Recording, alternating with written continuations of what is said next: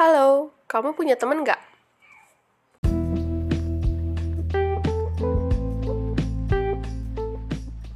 Oke, balik lagi sama aku Cadin atau Caca yang lagi ngerasain umur 21 dan ya udah sangat sadar bahwa segala sesuatu di muka bumi ini tentunya bisa berubah.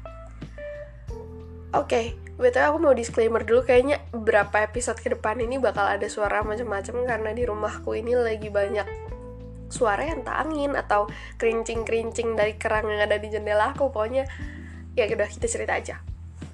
Jadi um, uh, untuk tadi yang berubah itu itu biru berubahnya kan bisa dari baik jadi jelek atau jelek jadi baik. Terus juga teman-teman yang ada di sekitar kamu bisa aja tadinya deket jadi asing atau justru tadinya kesal sama dia ya malah jadi dekat ini adalah perspektif tentang hubungan manusia, yang tentunya beda orang, beda ngartiannya. Aku punya teman yang dekat banget, dan aku bisa kangen gitu loh, kalau nggak ketemu sama dia. Tapi ada juga yang cuma sekedar teman ketemu, misalnya teman kelas, teman kampus, teman SD, SMP, SMA. Oke okay lah, kalau cuma jadi viewer story kan masih positif kalau menurut aku. Jadi maksudnya kayak dia nggak berimpact yang negatif gitu. Beda halnya kalau kamu jadi asing atau bahkan sampai mikir aku kan nggak punya temen tapi aku yakin di antara kita pasti pernah ada sekali dua kali yang ngomong kayak gitu. Katanya makin gede emang makin susah nyari temen ya karena sibuk masing-masing. Di umur aku yang udah 21 ini sih ngerasa tiap orang tuh punya prioritas yang beda di umur ini aku masih punya teman-teman yang sangat peduli sama aku, tapi di sisi lain juga dia ngerasa pusing karena ya mungkin aku berbuat salah itu jadi banyak nanya ke dia gitu loh. Jadi banyak orang lain gitu yang nanya ke dia. Ngerti nggak? Pokoknya uh, jadi misal nih aku melakukan satu hal yang menurut lingkungan aku itu nggak bener. Bukan nggak bener sih, tapi kayak Cak kamu tuh harusnya bisa loh nggak kayak gitu gitu. Coba kamu tinggalin aja deh. Tapi karena orang itu nggak berani bilang langsung ke aku, dia bilang ke temanku dan ya akhirnya temanku itu yang pusing. Aku mau bilang makasih banyak buat temanku itu, tapi karena satu dan lain hal akhirnya aku minta dia untuk nggak usah terlalu hirau dihiraukan gitu apa yang orang sampaikan ke dia. Apalagi kalau sampai ganggu jam yang harusnya dia pakai untuk diri dia sendiri jadi buat aku emang sih kedengeran egois tapi di satu sisi kayak ya udah kayaknya udah deh. Kamu cukup tanggapin itu sesuai yang kamu tahu tanpa perlu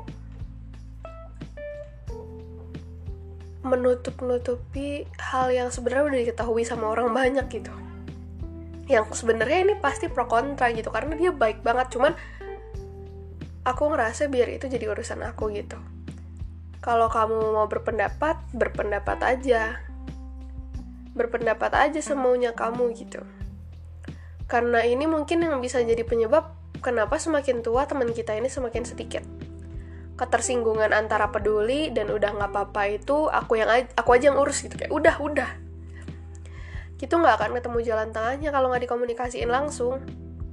Dan ini balik lagi ke pilihan masing-masing tapi aku biasanya memutuskan untuk lebih milah lagi mana yang perlu aku perlu orang lain tahu dan enggak dan perlu orang lain urusi dan enggak.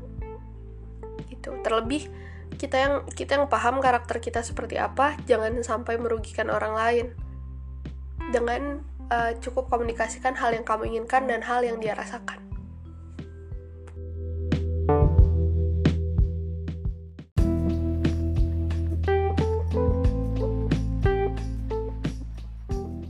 ada yang jadiin teman dekatnya itu rumah. Jadi tempat nangis tempat ketawa tempat marah. Ketika dekat sama temennya dia ngerasa nyaman dan aman. Beruntung banget buat kamu yang punya orang yang nemu orang yang kayak gini. Dan semoga bisa saling tumbuh bareng-bareng gitu dan masih tetap berteman sampai kapan pun. Bahkan ketika udah punya kesibukan masing-masing semoga tetap masih ingat akan kehadiran satu sama lain. Tapi buat yang nggak punya juga jangan dipaksa tiap orang punya batasannya masing-masing, punya pilihannya masing-masing. Aku juga memutuskan untuk cut off beberapa orang yang aku rasa bisa ngedraining energi aku gitu kalau lagi bareng sama dia. dan di satu sisi aku punya teman-teman yang sangat luar biasa gitu yang aku tuh belum pernah nemu kayak ada orang sebaik ini gitu nah terus masalah cut off tadi itu sebenarnya balik ke masing-masing cut off temen atau bahkan kita yang di cut off juga bukan hal yang harus dihindari dan mungkin lebih baik dipakai untuk evaluasi diri masing-masing aja gitu. Aku kurangnya gimana aku nggak bisa menerima apa dan aku bisa memaksimalkan apa aja. Kita optimalin di orang-orang yang bisa kita bantu dan gak ngerasa terganggu akan kehadiran kita. Ini tuh pernah aku dengar sebelumnya tapi aku juga lupa ini tuh kata siapa gitu.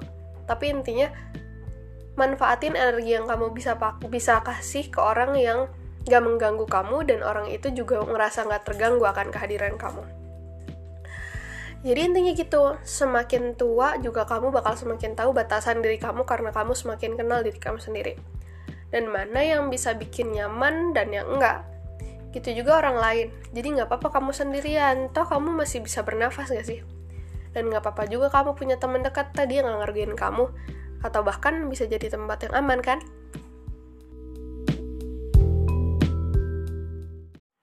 Oh iya maaf, suaraku lagi agak bindeng lagi agak serak.